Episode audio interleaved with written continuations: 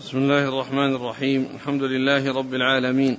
والصلاة والسلام على عبد الله ورسوله نبينا محمد وعلى آله وصحبه أجمعين. أما بعد فيقول الإمام مسلم بن الحجاج القشيري النيسابوري رحمه الله تعالى في كتابه المسند الصحيح قال وحدثني هارون بن سعيد الأيلي قال أخبرنا ابن وهب قال أخبرني معاوية بن صالح عن حبيب بن عبيد عن جبير بن نفير أنه سمعه يقول سمعت عوف بن مالك رضي الله عنه يقول صلى رسول الله صلى الله عليه وسلم على جنازة فحفظت من دعائه وهو يقول اللهم اغفر له وارحمه وعافه واعف عنه وأكرم نزله ووسع مدخله واغسله بالماء والثلج والبرد ونقه من الخطايا كما نقيت الثوب الأبيض من الدنس وأبدله دارا خيرا من داره وأهلا خيرا من أهله وزوجا خيرا من زوجه وأدخله الجنة وأعذه من, وأعذه من عذاب القبر أو من عذاب النار. قال حتى تمنيت أن أكون أنا ذلك الميت. قال وحدثني عبد الرحمن بن جبير أنه قال حدثه عن أبيه عن عوف بن مالك عن النبي صلى الله عليه وسلم بنحو هذا الحديث أيضا. قال وحدثناه إسحاق بن إبراهيم قال أخبرنا عبد الرحمن بن مهدي قال حدثنا معاوية بن صالح بالإسنادين جميعا نحو حديث ابن وهب. قال وحدثنا نصر بن علي الجهضمي وإسحاق بن إبراهيم كلاهما عن عيسى بن يونس عن أبي حمزة الحمصي. حاء قال وحدثني أبو الطاهر وهارون بن سعيد الأيلي واللفظ لأبي الطاهر قال حدثنا ابن وهب قال أخبرني عمرو بن الحارث عن أبي حمزة بن سليم عن عبد الرحمن بن جبير ابن عن عبد الرحمن بن جبير بن نفير عن أبيه عن عوف بن مالك الأشجعي رضي الله عنه أنه قال سمعت النبي صلى الله عليه وآله وسلم وصلى على جنازة يقول اللهم اغفر له وارحمه واعف عنه وعافه وأكرم نزله ووسع مدخله واغسله بماء وثلج وبرد ونقه من الخطايا كما ينقى الثوب الأبيض من الدنس. وأبدله دارا خيرا من داره وأهلا خيرا من أهله وزوجا خيرا من زوجه. وقه فتنة القبر وعذاب النار. قال عوف فتمنيت أن لو كنت أنا الميت لدعاء رسول الله صلى الله عليه وسلم على ذلك الميت. بسم الله الرحمن الرحيم. الحمد لله رب العالمين. وصلى الله وسلم وبارك على عبده ورسوله نبينا محمد وعلى آله وأصحابه أجمعين. أما بعد فهذا الحديث عن عوف بن مالك الأشجعي رضي الله عنه من الطرق المتعددة يتعلق بالدعاء الذي يدعى به آه، في صلاة الجنازة. يدعى به الميت في الصلاة على عليه وذكر هذا الدعاء العظيم الذي سمع الرسول عليه الصلاة والسلام يدعو به ويقول اللهم اغفر له وارحمه وعافه واعف عنه وأكرم نزله واسع مدخله واغسل الماء والثلج والبرد ونقه من الذنوب والخطايا كما ينقى الثوب الأبيض من الدنس وأبدله دارا خيرا من داره وأهلا خيرا من أهله وزوجا خيرا من زوجه وأدخل الجنة وأعذه وأعذه من النار. قال حتى تمنيت أن أكون أنا ذلك الميت الذي دعا له الرسول عليه الصلاة والسلام. وهذا دعاء عظيم جامع لأمور كثيرة يعني في آه، يحتاج إليها الميت وأن وأنه آه، تغفر ذنوبه وتكفر خطاياه ويعني يدخل الجنة ويسلم من النار وأن يبدل دارا خيرا من داره وأهلا خيرا من أهله وزوجا خيرا من زوجه. وهذا الذي سمعه عوف بن مالك الأشجعي. يعني من رسول الله عليه الصلاة والسلام يحتمل أن يكون الرسول فعله. يعني الأصل في الصلاة على الجنازة الإصرار وليس الجهر. ولكن يمكن يحتمل أن يكون الرسول كان يفعل ذلك يعني بعض الأحيان حتى يسمع الناس أو أنه آه، يجهر في بعض الكلمات. فجعل بعض الصحابة أو احتاج بعض الصحابة إلى أن يسأله يعني عن ذلك الشيء الذي آه، كان يدعو به عليه, عليه, عليه, عليه الصلاة والسلام. و وهذا ال ال وما جاء فيه يعني في آخره من قوله وأبدله دارا خيرا من داره واهلا خيرا خيرا من أهله وزوجا خيرا من زوجه. ليس المقصود من ذلك أن أن أنه يأتيه غير أهله وغير زوجه لأن لأن الناس في الجنة ولأن الرجال والنساء في الجنة يعني الأزواج الزوجة تكون لزوجها في الدنيا وكذلك يعني الزوج الزوجه يكون زوجها يعني لها وإنما يكون المقصود من ذلك والله أعلم أنه إبدال بالصفات وأنها تتغير الصفات بالنسبة للزوجة وللزوج وللأهل. وللدار يعني الدار نعم تغير بدل الدنيا بدل دار الدنيا دار الجنة ولكن الأهل والزوج أو الزوجة المقصود ذلك أن أن الصفات تتبدل وتكون على حالة أحسن مما هو موجود في الدنيا. فالزوجة صفاتها في الجنة غير صفاتها في الدنيا وكذلك الزوج صفاته في الآخرة غير صفاته في الدنيا وكذلك الأهل صفاتهم في الآخرة غير صفاتهم في الدنيا فليس المقصود من ذلك الذوات أنها تغير وأنه يأتيه يعني أهل غير أهله وزوج غير زوجه وأن زوجة لا تكون يعني تبعا لزوجها وإنما هذا والله أعلم أنه في الصفات وأنها تتغير الصفات فيحصلون في الآخرة على أحسن هيئة وعلى أحسن حال. نعم. قال وحدثني هارون بن سعيد الأيلي عن ابن وهب عبد الله بن وهب. عن معاوية بن صالح عن حبيب بن عبيد عن جبير بن نفير عن عوف بن مالك. نعم. قال وحدثني عبد الرحمن بن جبير عن أبيه يعني هذا طريق آخر يقوله معاوية بن صالح. نعم. عن أبيه عن عوف بن مالك. نعم. قال وحدثناه إسحاق بن إبراهيم عن عبد الرحمن بن مهدي عن معاوية بن صالح بالإسنادين جميعا. نعم. قال وحدثنا نصر بن علي الجهضمي وإسحاق بن إبراهيم كلاهما عن عيسى بن يونس عن أبي حمزة الحمصي. هو بن سليم إيش؟ عيسى بن سليم الحمصي. عيسى بن سليم نعم. حا قال وحدثني أبو الطاهر وهارون بن سعيد الأيلي واللفظ لأبي الطاهر. قال حدثنا ابن وهب قال أخبرني عمرو بن الحارث عن أبي حمزة بن سليم. نعم. عن عبد الرحمن بن جبير بن نفير عن أبيه عن عوف بن مالك الأشجعي. نعم. قال رحمه الله تعالى وحدثنا يحيى بن يحيى التميمي قال أخبرنا عبد الوارث بن سعيد عن حسين بن ذكوان قال حدثني عبد الله بن بريدة عن سمرة بن جندب رضي الله عنه أنه قال صليت خلف النبي صلى الله عليه وسلم وصلى على أم كعب ماتت وهي نفساء فقام رسول الله صلى الله عليه وسلم وسطها. قال وحدثناه أبو بكر بن أبي شيبة قال حدثنا ابن المبارك ويزيد بن هارون. حا قال وحدثني علي بن حجر قال أخبرنا ابن المبارك والفضل بن موسى. كلهم عن حسين بهذا الإسناد ولم يذكروا أم كعب. قال وحدثنا محمد بن المثنى وعقبة بن مكرم العمي. قال حدثنا ابن أبي عدي عن حسين عن عبد الله بن بريدة. قال قال سمرة بن جندب رضي الله عنه لقد كنت على عهد رسول الله صلى الله عليه وسلم غلاما فكنت أحفظ عنه فما يمنعني من القول إلا انها هنا رجالا هم أسن مني. وقد صليت وراء رسول الله صلى الله عليه وسلم على امرأة ماتت في نفاسها فقام عليها رسول الله صلى الله عليه وسلم في الصلاة وسطها. وفي رواية ابن المثنى قال حدثني عبد الله بن بريدة قال فقام عليها للصلاة وسطها. ثم ذكر هذه الأحاديث المتعلقة بالوقوف وقوف الإمام الذي يصلي بالناس على الجنازة أنه عندما يكون يعني الرجل يعني يقف عند رأسه وإذا كانت امرأة يقف وسطها. وذكر هذه الأحاديث المتعددة في الوقوف وسط المرأة.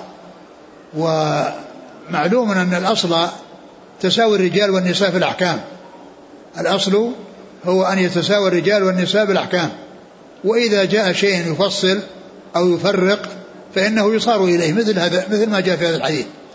لأن هذا يعني يدل على أن النساء يقف الإمام وسطهن يعني وسط المرأة عند وسط المرأة وعند الرجل يقف يعني عند عند رأسه.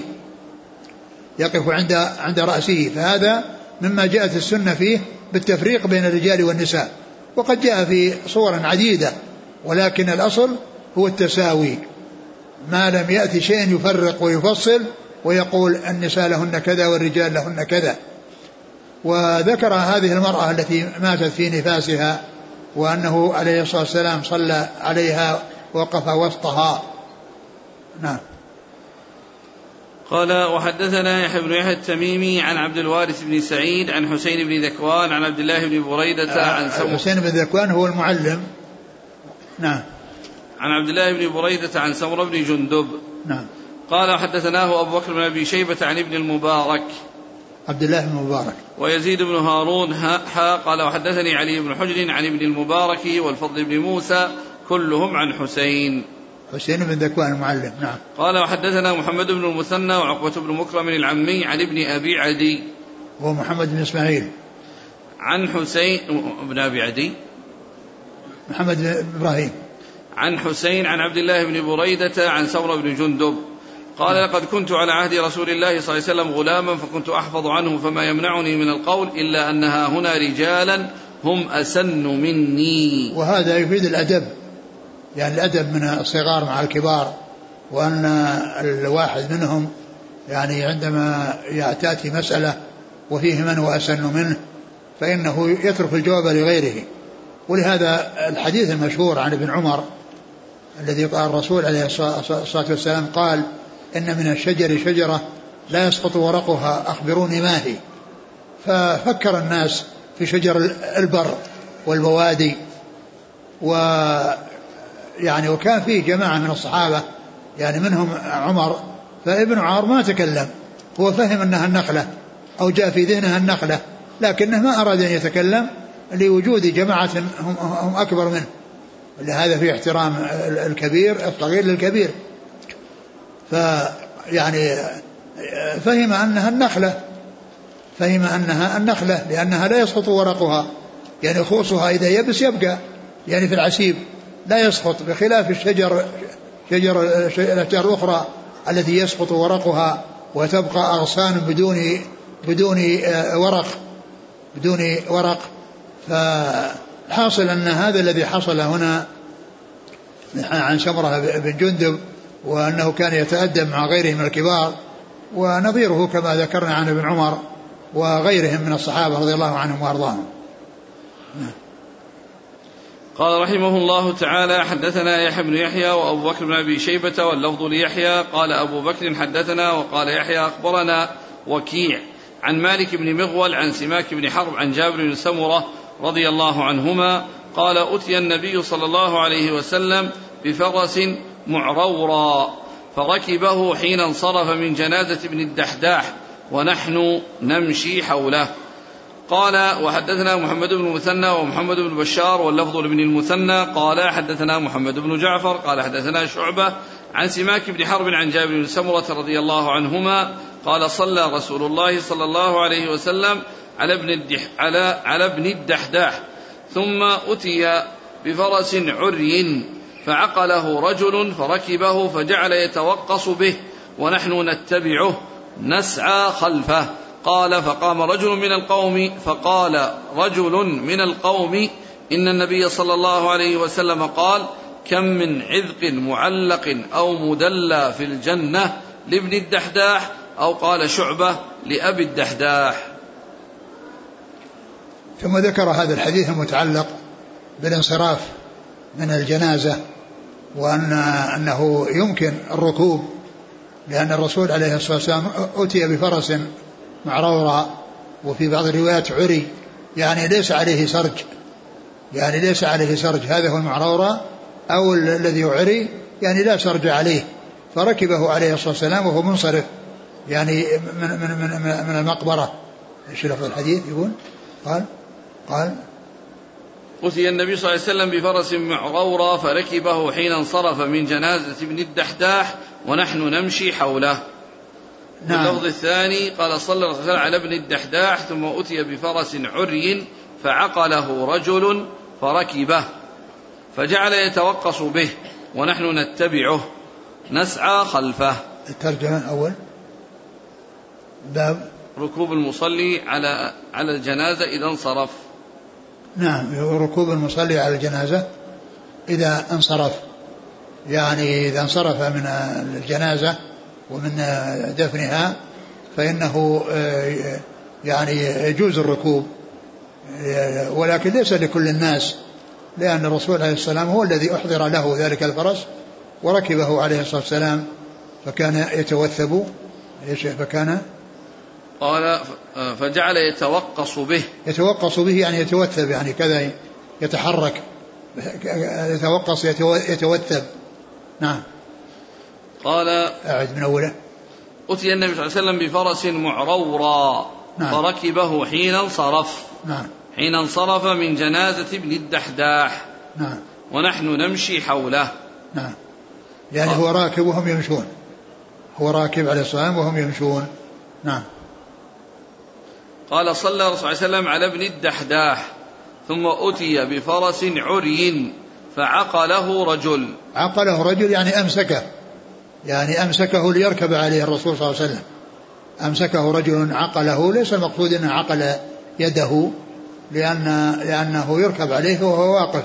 يعني ما هو مو مثل البعير الذي يعني الناس يركبون عليه وهو بارك وإنما هذا يركب عليه وهو واقف.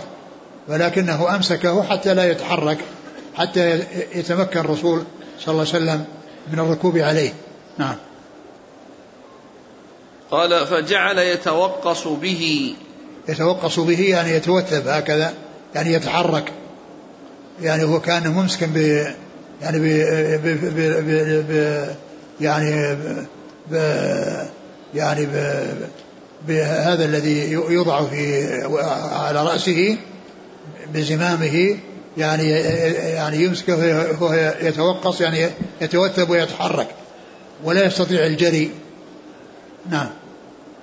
فجعل يتوقص. ونحن نعم فجعل يتوقص به ونحن نتبعه نعم. نسعى خلفه.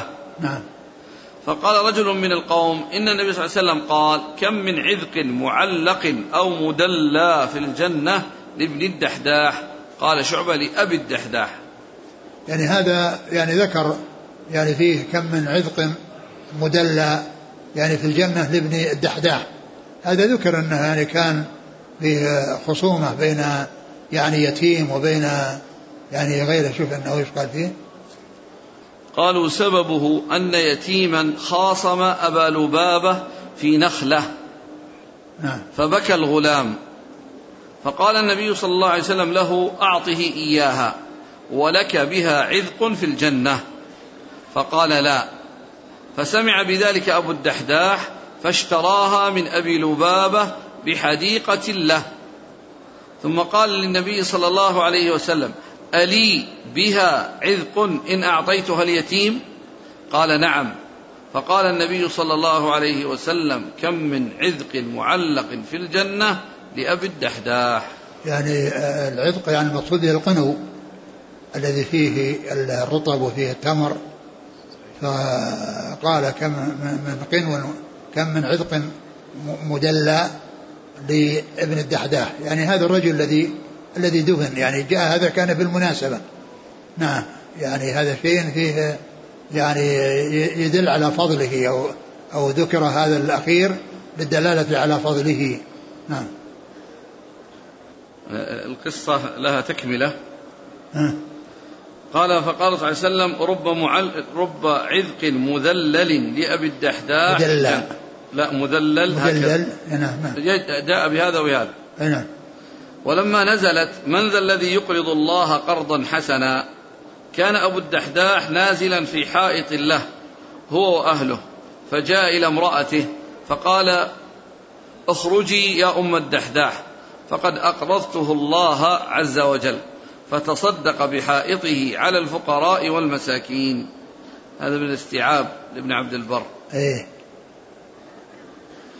يقول الشيخ محمد علي آدم هكذا أورد القصة ابن عبد البر في الاستيعاب معلقة وموقوفة على ابن شهاب ولم يذكر إسنادها ويحتاج, ويحتاج إلى نظر في إسنادها وأولى من يعتمد عليه في هذه القصة هو ما أخرجه الإمام أحمد وابن حبان والحاكم وغيرهم بغير هذا السياق. فروى الإمام أحمد في مسنده قال حدثنا حسن قال حدثنا حماد بن سلمة عن ثابت عن أنس. أن رجلا قال يا رسول الله إن لفلانا نخلة وأنا أقيم حائطي وأنا أقيم حائطي بها فأمره أن يعطيني إن إن لفلان نعم. نخلة نعم. وأنا أقيم حائطي بها. نعم. فأمره أن يعطيني حتى أقيم حائطي بها. فقاله النبي صلى الله عليه وسلم أعطها إياه بنخلة في الجنة.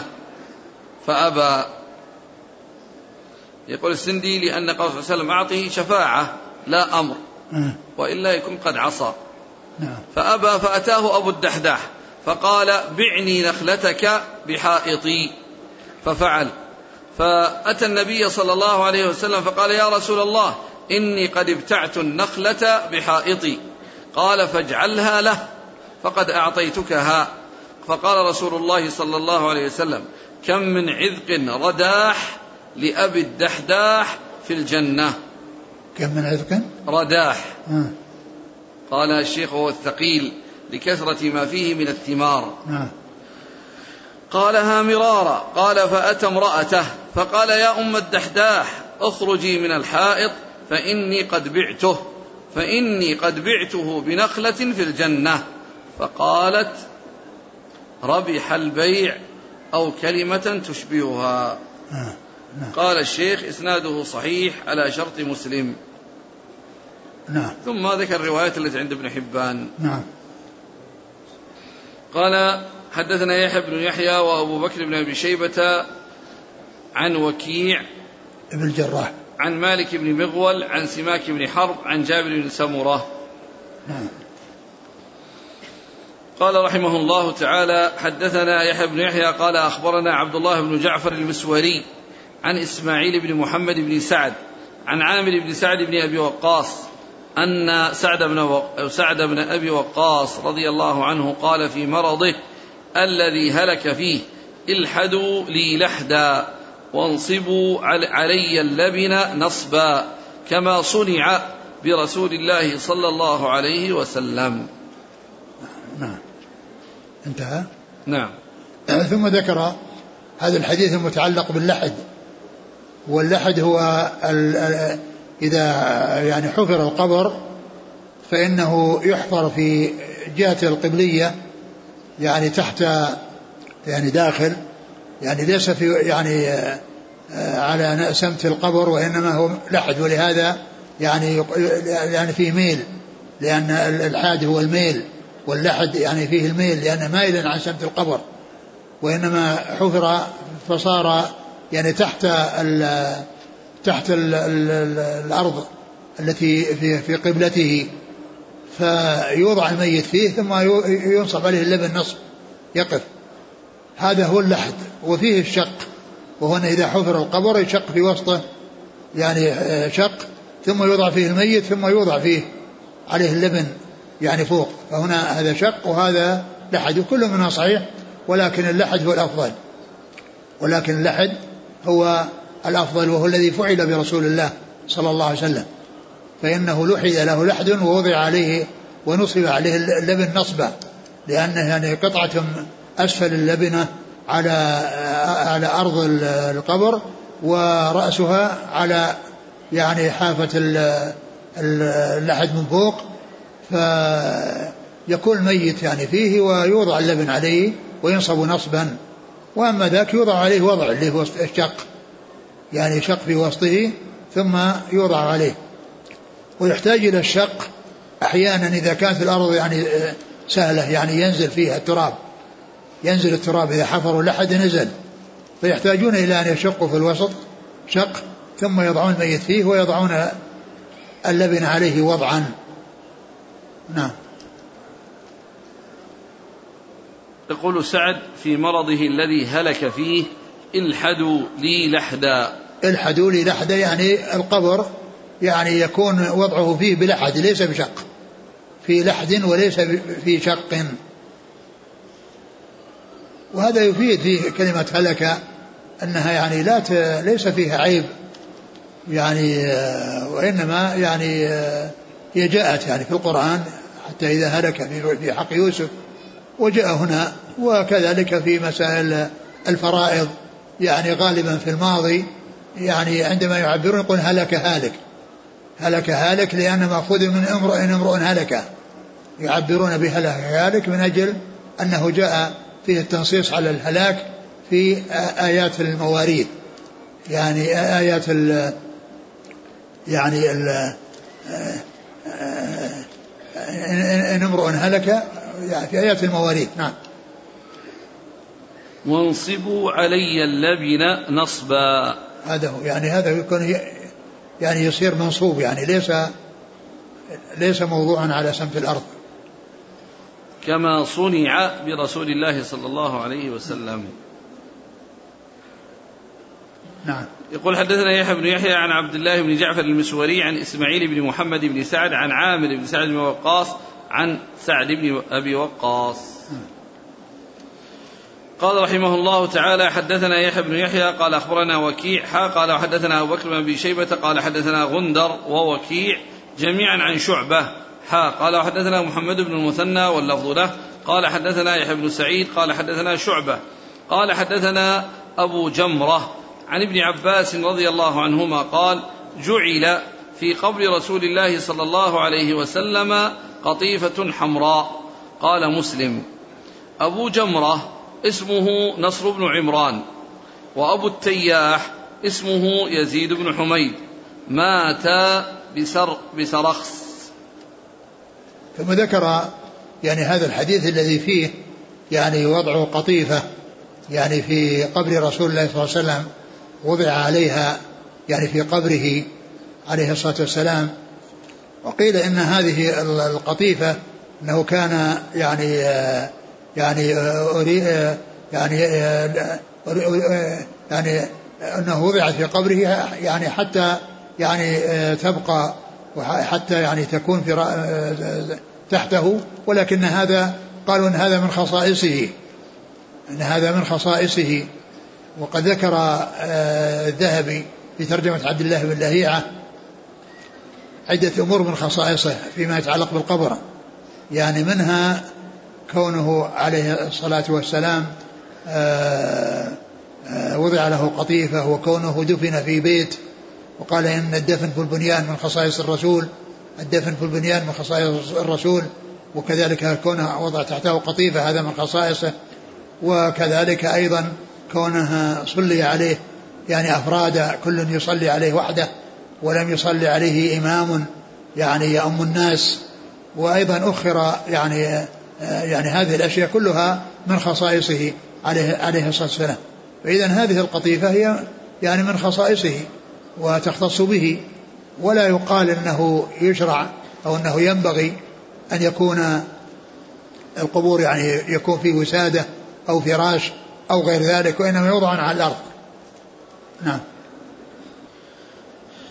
قال مسلم أبو جمرة اسمه نصر بن عمران. أبو جمرة موجود في الإسناد ولكن أبو التياح ليس موجودا في الإسناد ولكنه ذكره من أجل التماثل يعني بينهما يعني في أمور عديدة يعني منها أنهما ماتا يعني في آه، وقت واحد ومات في سنة واحدة في يعني هذه المدينة التي هي يعني سرخس أو سرحت وفي أمور أخرى أيضا يعني اتفق فيها. قال النووي أنها يعني أمور قل أن تجتمع في شخصين. قل أن يشترك فيها اثنان من العلماء فإنهما جميعا ضبعيان ضبعيان ضبعيان من, من يعني من بني عبد القيس. نعم. يعني نصر عثمان الضبعي من بني عبد القيس. نعم. بصريان نعم.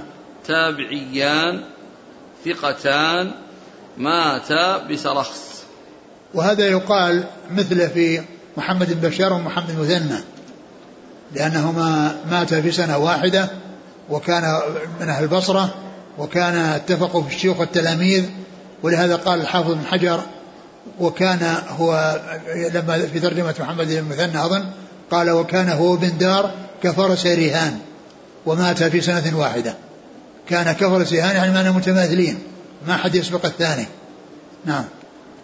ومات سنة 128 و نصف. ومحمد مثنى ومحمد بشار 252 252 وأبو جمرة يعني هو بالجيم والراء وفي آه، وهو يروي عن ابن عباس وفي الذين يروون عن ابن عباس أبو حمزة القصاب وهو يروي عن حديث لا أشبع الله بطنه. يعني حديث لا أشبع الله بطنه يرويه أبو حمزة القصاب عن عن عن ابن عباس. وأبو حمزة وأبو جمرة من قبيل المؤتلف والمختلف في المصطلح. لأن المؤتلف والمختلف ما يتفق تتفق الأسماء في الرسم وتختلف في الشكل والنقط. وهنا يعني في النقط الاختلاف وإلا الشكل واحد. جمرة حمزة. ويعني ومنه ما يكون بالشكل مثل عقيل وعقيل. مثل عقيل وعقيل هذا اختلاف في الشكل مع الاتحاد في الرسم. نعم. قال حدثنا يحيى بن يحيى عن وكيع قال حدثنا أبو بكر بن أبي شيبة عن غندر ووكيع جميعا عن شعبة. حا قال حدثنا محمد بن المثنى عن يحيى و واللفظ له عن يحيى بن سعيد عن شعبة عن أبي جمرة عن ابن عباس. نعم.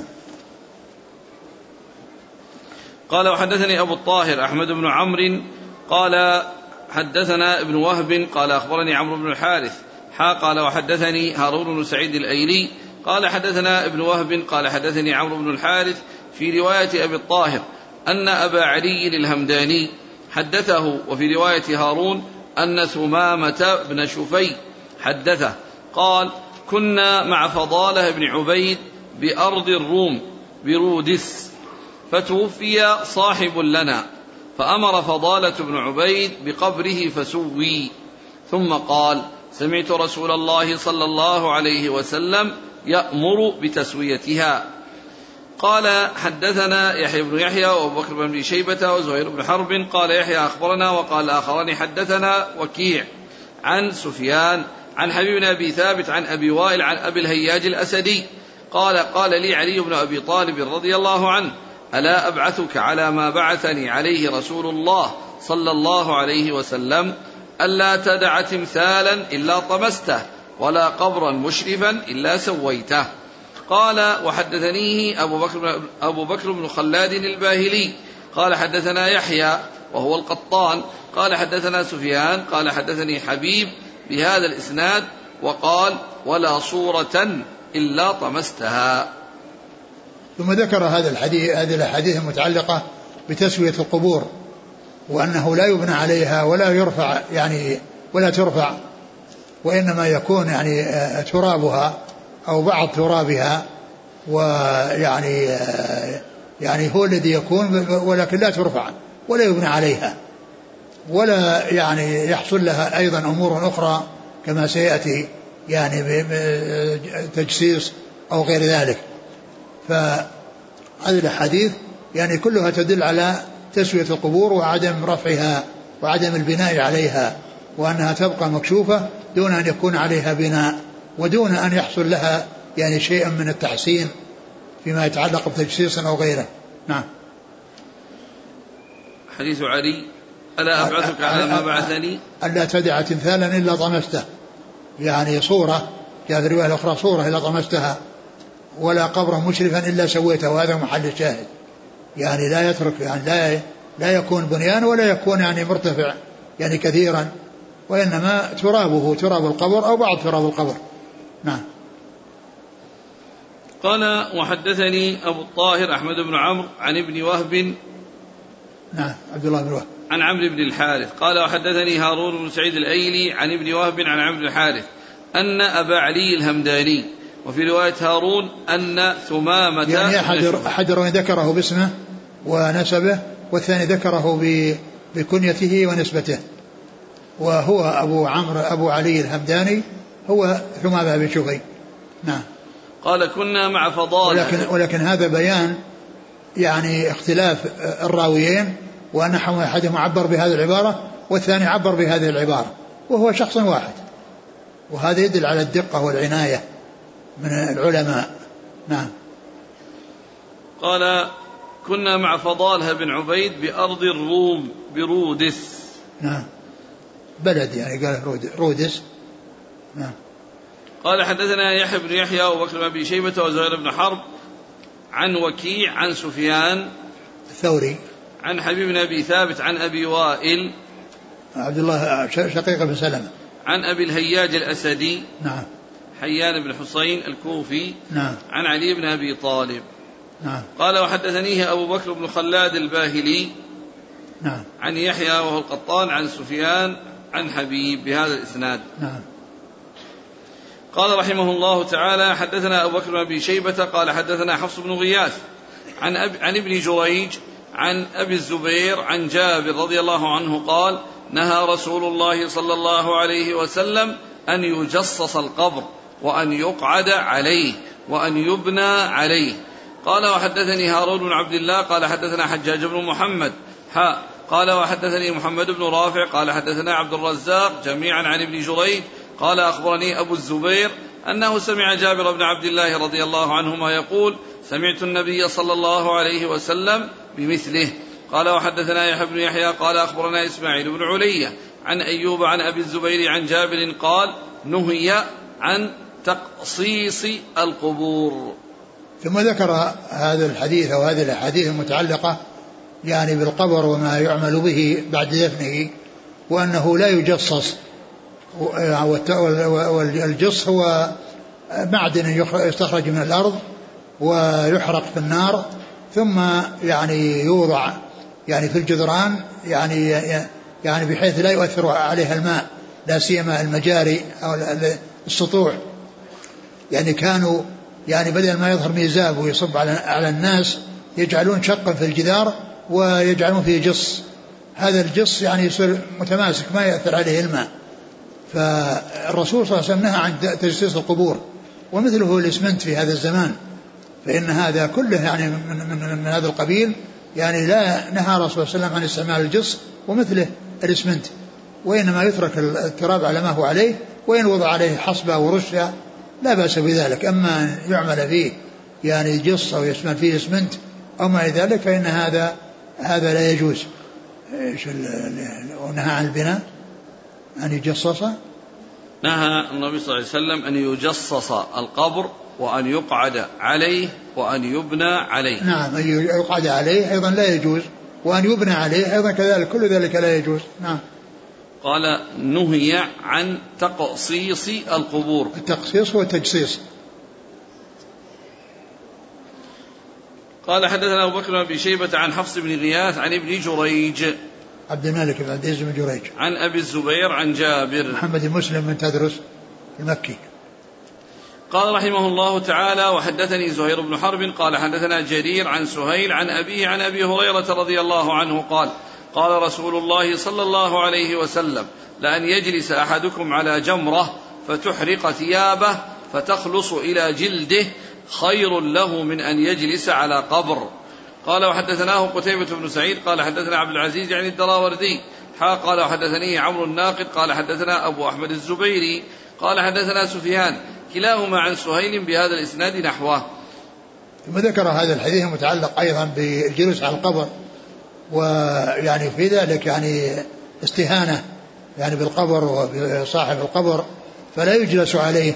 وبين الرسول عليه الصلاة والسلام خطورة الجلوس عليه وأن كونه يجلس على جمرة وتحرق ثيابه حتى تخلص إلى جسده خير له من أن يجلس على قبر. وهذا يدل على يعني عظم يعني هذه يعني هذه المفسدة وأن صاحبها يعني خير له أن يكون جلوسه على جمرة يحرق ثيابه وتخلص إلى جسده خير له من أن يجلس على قبر. بيان خطورة الجلوس على القبور. نعم. قال حدثناه قتيبة بن سعيد عن عبد العزيز عن الدراوردي عن عمرو الناقد عن أبي أحمد الزبيري. محمد بن عبد الله بن الزبير. عن سفيان الثوري. قال وحدثني علي بن حجر السعدي قالوا حد قال حدثنا الوليد بن مسلم عن ابن جابر عن بسر بن عبيد الله عن واثلة عن أبي مرثد الغنوي رضي الله عنه قال قال رسول الله صلى الله عليه وسلم لا تجلسوا على القبور ولا تصلوا إليها. قال وحدثنا حسن بن الربيع البجلي قال حدثنا ابن المبارك عن عبد الرحمن بن يزيد عن بسر, بن عبيد الله عن أبي إدريس الخولاني عن واتل بن الأسقع عن أبي مرثد الغنوي قال سمعت رسول الله صلى الله عليه وسلم يقول لا تصلوا إلى القبور ولا تجلسوا عليها. وهذا يعني فيه التحذير أو التحريم الجلوس على القبور وكذلك تحريم الصلاة إليها وأن الإنسان لا يقصدها ويستقبل القبر ويصلي إليه لأن هذا يدخل تحت الصلاة إليها أو هذا هو معنى الصلاة إليها يعني معناه أنه يستقبل القبر. فيعني جاءت السنة في منع هذا ومنع هذا يعني منع الجلوس على القبور ومنع الصلاة إليها. وكونها يصلي الإنسان متجها إليها. نعم. وهذا يبين فساد ما يفعله بعض الناس في هذا المسجد من وجود يعني يأتون ويتركون الصف الأول ثم يذهبون ويجلسون يعني في مكان خلف قبر الرسول صلى الله عليه وسلم. نعم. قال وحدثني علي بن حجر السعدي عن الوليد بن مسلم عن ابن جابر. هو عبد الرحمن بن يزيد في الاسناد الثاني. عبد الرحمن بن يزيد بن جابر. نعم. عن بسر بن عبيد الله عن واثلة. نعم. ابن الأسقع عن أبي مرثد الغنوي. نعم. كالناز بن الحصين. نعم. قال حدثنا حسن بن الربيع البجلي عن ابن المبارك عن عبد الرحمن بن يزيد. نعم. عن بسر بن عبيد الله عن أبي إدريس الخولاني. وعائد الله. عن واثل بن أسقع عن أبي مرثد الغنوي. نعم. قال رحمه الله تعالى وحدثني علي بن حجر السعدي وإسحاق بن إبراهيم الحنظلي واللفظ لإسحاق قال علي حدثنا وقال إسحاق أخبرنا عبد العزيز بن محمد عن عبد الواحد بن حمزة عن عباد بن عبد الله بن الزبير أن عائشة رضي الله عنها أمرت أن يمر بجنازة سعد بن أبي وقاص في المسجد فتصلي عليها فتصلي عليه فأنكر الناس ذلك عليها فقالت ما أسرع ما نسي الناس. ما صلى رسول الله صلى الله عليه وسلم على سهيل ابن, ابن البيضاء إلا في المسجد. قال وحدثني محمد بن حاتم قال حدثنا بهز قال حدثنا وهيب قال حدثنا موسى بن عقبة عن عبد الواحد عن عباد بن عبد الله بن الزبير يحدث عن عائشة أنها لما توفي سعد بن أبي وقاص أرسل أزواج النبي صلى الله عليه وسلم أن يمروا بجنازته في المسجد فيصلين عليه ففعلوا فوقف به على حجرهن يصلين عليه. أخرج به من باب الجنائز الذي كان إلى المقاعد. فبلغ فبلغهن أن الناس عابوا ذلك وقالوا ما كانت الجنائز يدخل بها المسجد. فبلغ ذلك عائشة فقالت ما أسرع الناس إلى أن يعيبوا ما لا علم لهم به. عابوا علينا أن يمر بجنازة في المسجد وما صلى رسول الله صلى الله عليه وسلم على سهيل بن البيضاء إلا في جوف المسجد. قال وحدثني هارون بن عبد الله ومحمد بن رافع واللفظ لابن رافع. قال حدثنا ابن ابن حدثنا ابن ابي فديك. قال اخبرنا الضحاك يعني ابن عثمان عن ابي النضر عن ابي سلمه بن عبد الرحمن ان عائشه لما توفي سعد بن ابي وقاص قالت ادخلوا به المسجد حتى اصلي عليه. فأنكر ذلك عليها فقالت والله لقد صلى رسول الله صلى الله عليه وسلم على ابني بيضاء في المسجد سهيل وأخيه. قال مسلم سهيل ابن دعد وهو ابن البيضاء أمه بيضاء. ثم ذكر هذه الأحاديث المتعلقة بالصلاة على الجنازة في المسجد. والأصل أن الصلاة يصلى عليها يعني خارج المسجد. ولكنه يجوز أن يصلى في المسجد لأن هذا الذي جاء عن عائشة وأمهات المؤمنين من كونهن طلبنا أن يدخل سعد بن أبي وقاص ويؤتى به إلى حجرهن ويصلين عليه يعني يدل على ذلك واستدلت عائشة لما أنكر عليها قالت ما صلى رسول الله صلى الله عليه وسلم على ابن بيضاء إلا في المسجد. يعني معناه أن هذا جاء عن رسول الله عليه الصلاة والسلام. ولا شك أن الصلاة يعني في المسجد جائزة ولكن الصلاة يعني خارج المسجد في الأماكن التي تخصص للصلاة على الجنائز لا شك أن هذا هو الأولى. وهذا هو الغالب من فعله عليه الصلاة والسلام.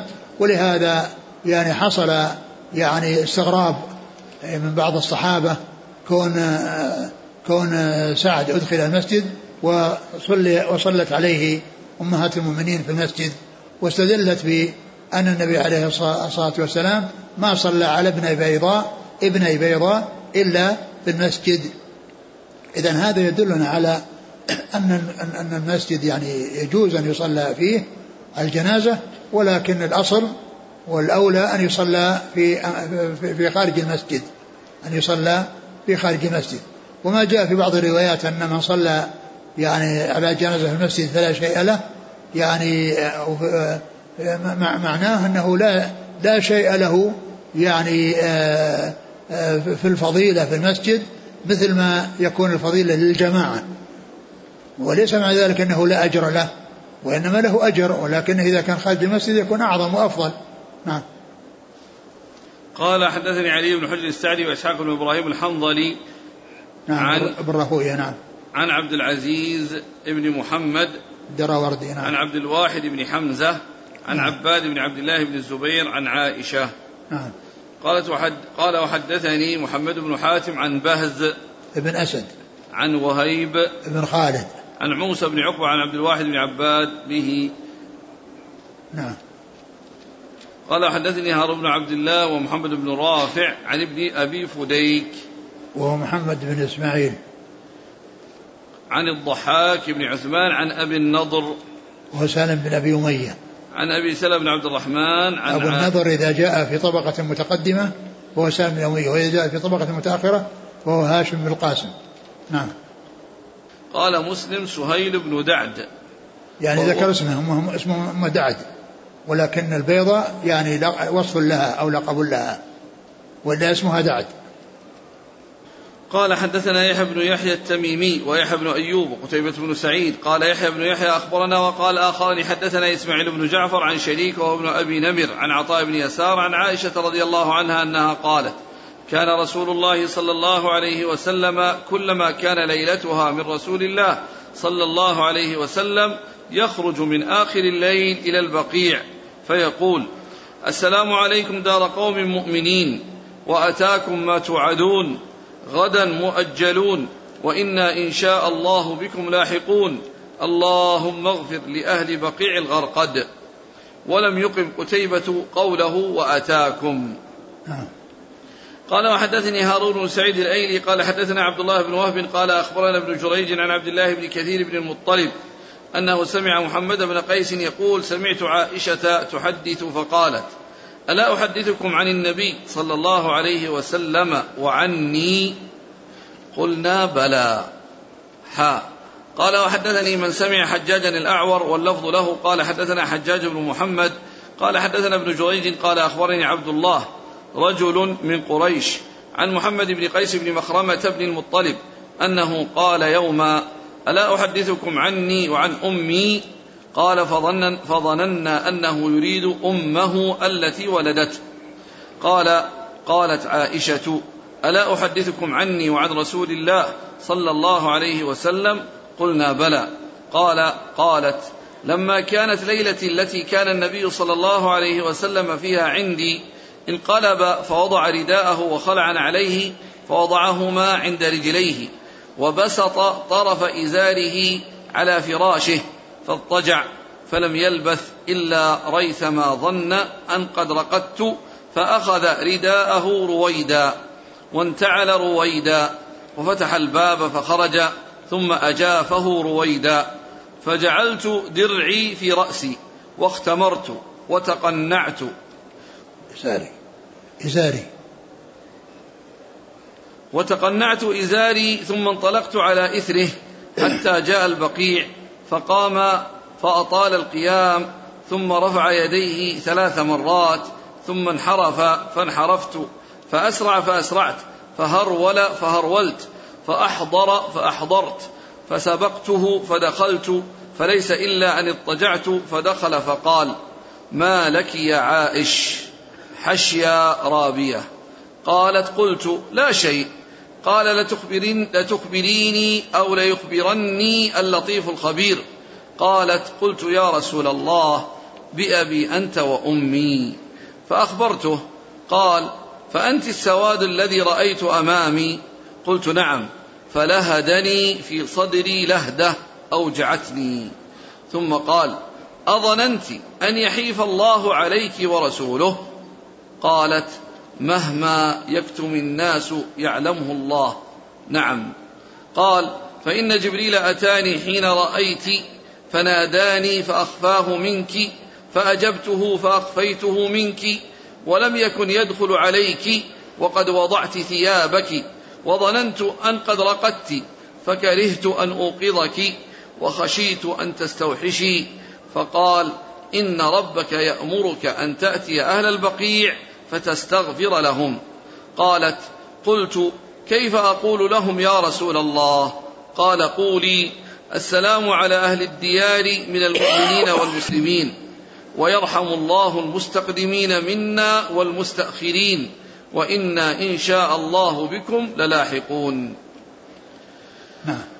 قال حدثنا أبو بكر بن أبي شيبة وزهير بن حرب قال حدثنا محمد بن عبد الله الأسدي عن سفيان عن علقمة بن مرثد عن سليمان بن بريدة عن أبيه قال كان رسول الله صلى الله عليه وسلم يعلمهم إذا خرجوا إلى المقابر فكان قائلهم يقول في رواية أبي بكر السلام على أهل الديار وفي رواية زهير السلام عليكم أهل الديار من المؤمنين والمسلمين وإنا إن شاء الله للاحقون.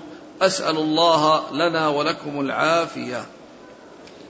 والله تعالى أعلم وصلى الله وسلم وبارك على عبده ورسوله نبينا محمد وعلى آله وأصحابه أجمعين. جزاكم الله خيرا وبارك الله فيكم. ألهمكم الله الصواب ووفقكم للحق. شافاكم الله وعافاكم ونفعنا الله بما سمعنا. وغفر الله لنا ولكم وللمسلمين أجمعين. آمين. يقول السائل هل يشترط حمل الميت إلى المقابر مع التكبير أو التهليل؟ ما نعلم شيء يدل على هذا. ما نعلم شيء يدل على أنه يرفع الصوت مثل ما يفعله بعض الناس يقول وحدوا. هذا لا أصل له. يعني كل واحد يعني يتذكر الموت ويستعد له بالأعمال الصالحة دون أن يحصل يعني آه، رفع أصوات بشيء إذا كانت الزوجة تزوجت زوجين فهل تخير بينهما في الجنة؟ ظن جاء في بعض الأحاديث أنها للأخير منهما أنها للأخير منهما هل ضمة القبر تحصل للأنبياء؟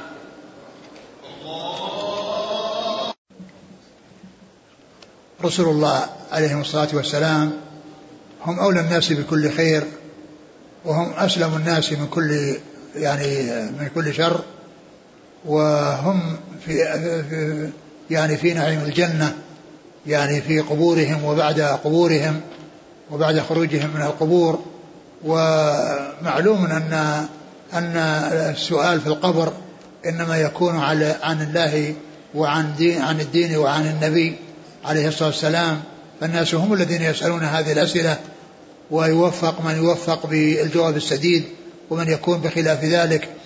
والحاصل أن أن الأنبياء في أكبر نعيم يعني في قبورهم وبعد قبورهم. نعم.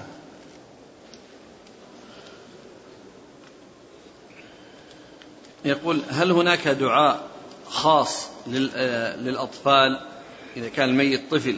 ما نعلم دعاء خاص ولكنه جاء يعني والطفل أو السقط يصلى عليه ويدعى لوالديه بالرحمة. يعني فيدعى يعني لوالديه. ويطلب أن يكون شفيعا لهما. نعم. يقول ما معنى قوله صلى الله عليه وسلم اللحد لنا والشق لغيرنا؟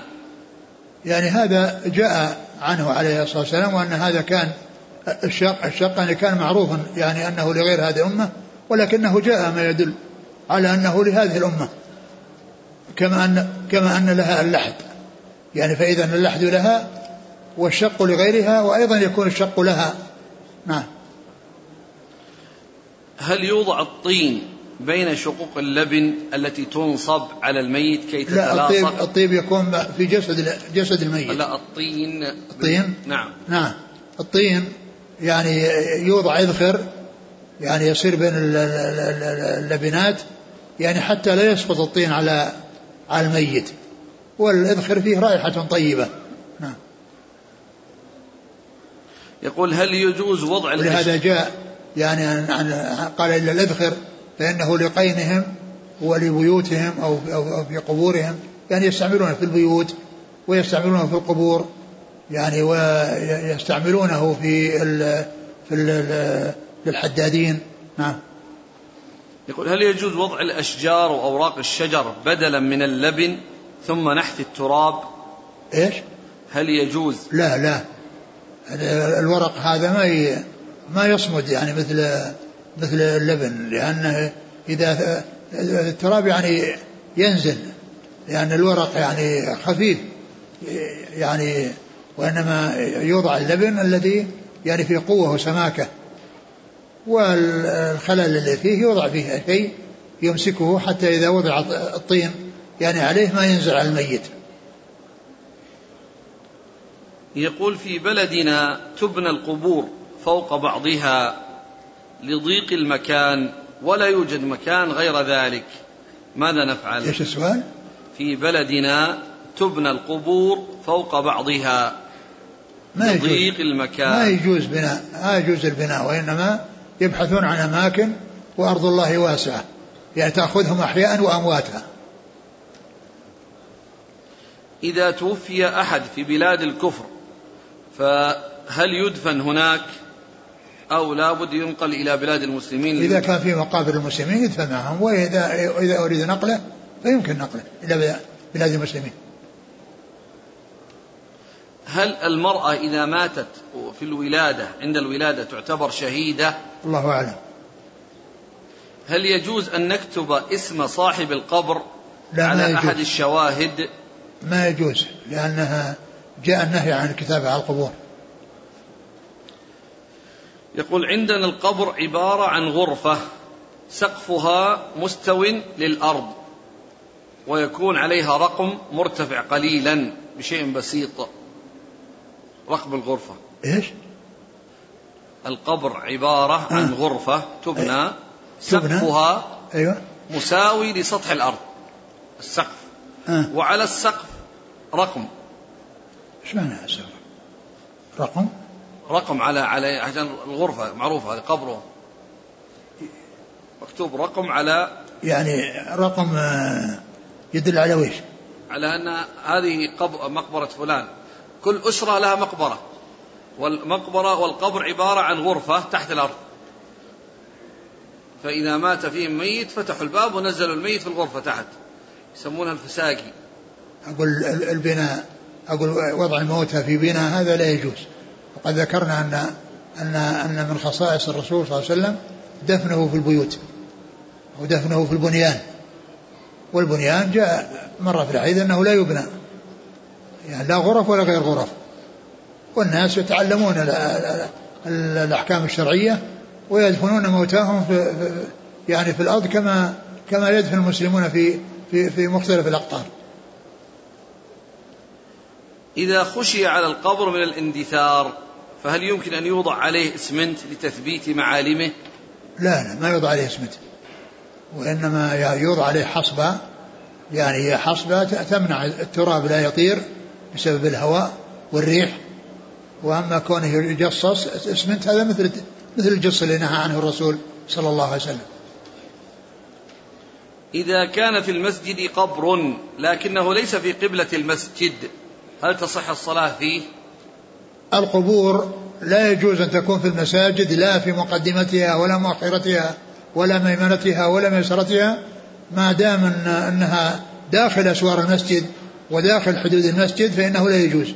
في في في في جميع الجهات من المسجد. حتى ولو كان يعني في ساحة متصلة بالمسجد ويحيط بها أسوارها أسوار المسجد وأبوابه فإنه لا يجوز أن يكون في داخل ذلك قبر. نعم. تحريم الجلوس على القبر هل هذا خاص بقبور المسلمين أو حتى قبور الكفار؟ النهي جاء مطلق. أقول النهي جاء مطلق لا يجلس على القبور. لا مسلمين ولا كفار. يقول في بلدنا توضع الجنازة في قبلة المصلين فبعد أن يصلوا الفريضة والجنازة أمامهم بعد ذلك يصلون عليها صلاة الجنازة. الأولى الأولى أن تكون ليست أمامهم وإنما يعني تكون في مكان يعني خاص في حجرة أو أو يعني في خارج المسجد وأما كونها تكون يعني أمام الناس وهم يصلون هذا ما ينبغي. هل من السنة أن يخصص للجنائز مصلى قرب المقبرة غير مصلى العيد؟ إيه يمكن. لأن الرسول الرسول صلى الله عليه وسلم كان يصلي عليها يعني خارج خارج المسجد وليس وليس هو مصلى العيد. هل يجوز تخصيص مكان للتعزية؟ لا ما يخصص أماكن للتعزية وإنما التعزية تكون في المسجد تكون في المقبرة وتكون في الطريق وتكون في التلفون وتكون بالحضور إلى البيت من غير أن يكون هناك مظاهر خاصة بالمناسبة التي هي يعني التي هي يعني مناسبة الموت يعني يحصل يعني مظاهر خاصة في البيوت أو حول البيوت أو سرادقات أو غير ذلك وإنما يمكن أن يزار أهل الميت ويدعى لهم. ولا يطال في الجلوس عندهم. يقول هل البدء بالبسملة في الخطب والدروس والمحاضرات جائز؟ ما نعلم يعني شيء لأن كله يعني في ذكر الله عز وجل. يعني في أما بالنسبة لخطب الجمعة ما جاء إلا بالحمد لله عز وجل ما جاء فيه ذكر أنه يقال بسم الله الرحمن الرحيم. ولكن في الكلمات وفي يعني الدعوات المحاضرات وكذلك. ما في بأس أن يقول بسم الله الرحمن الرحيم ويصلي على الرسول ويحمد الله ويصلي على رسول الله. هل غرفة الإمام التي تكون داخل سور المسجد لها أحكام المسجد؟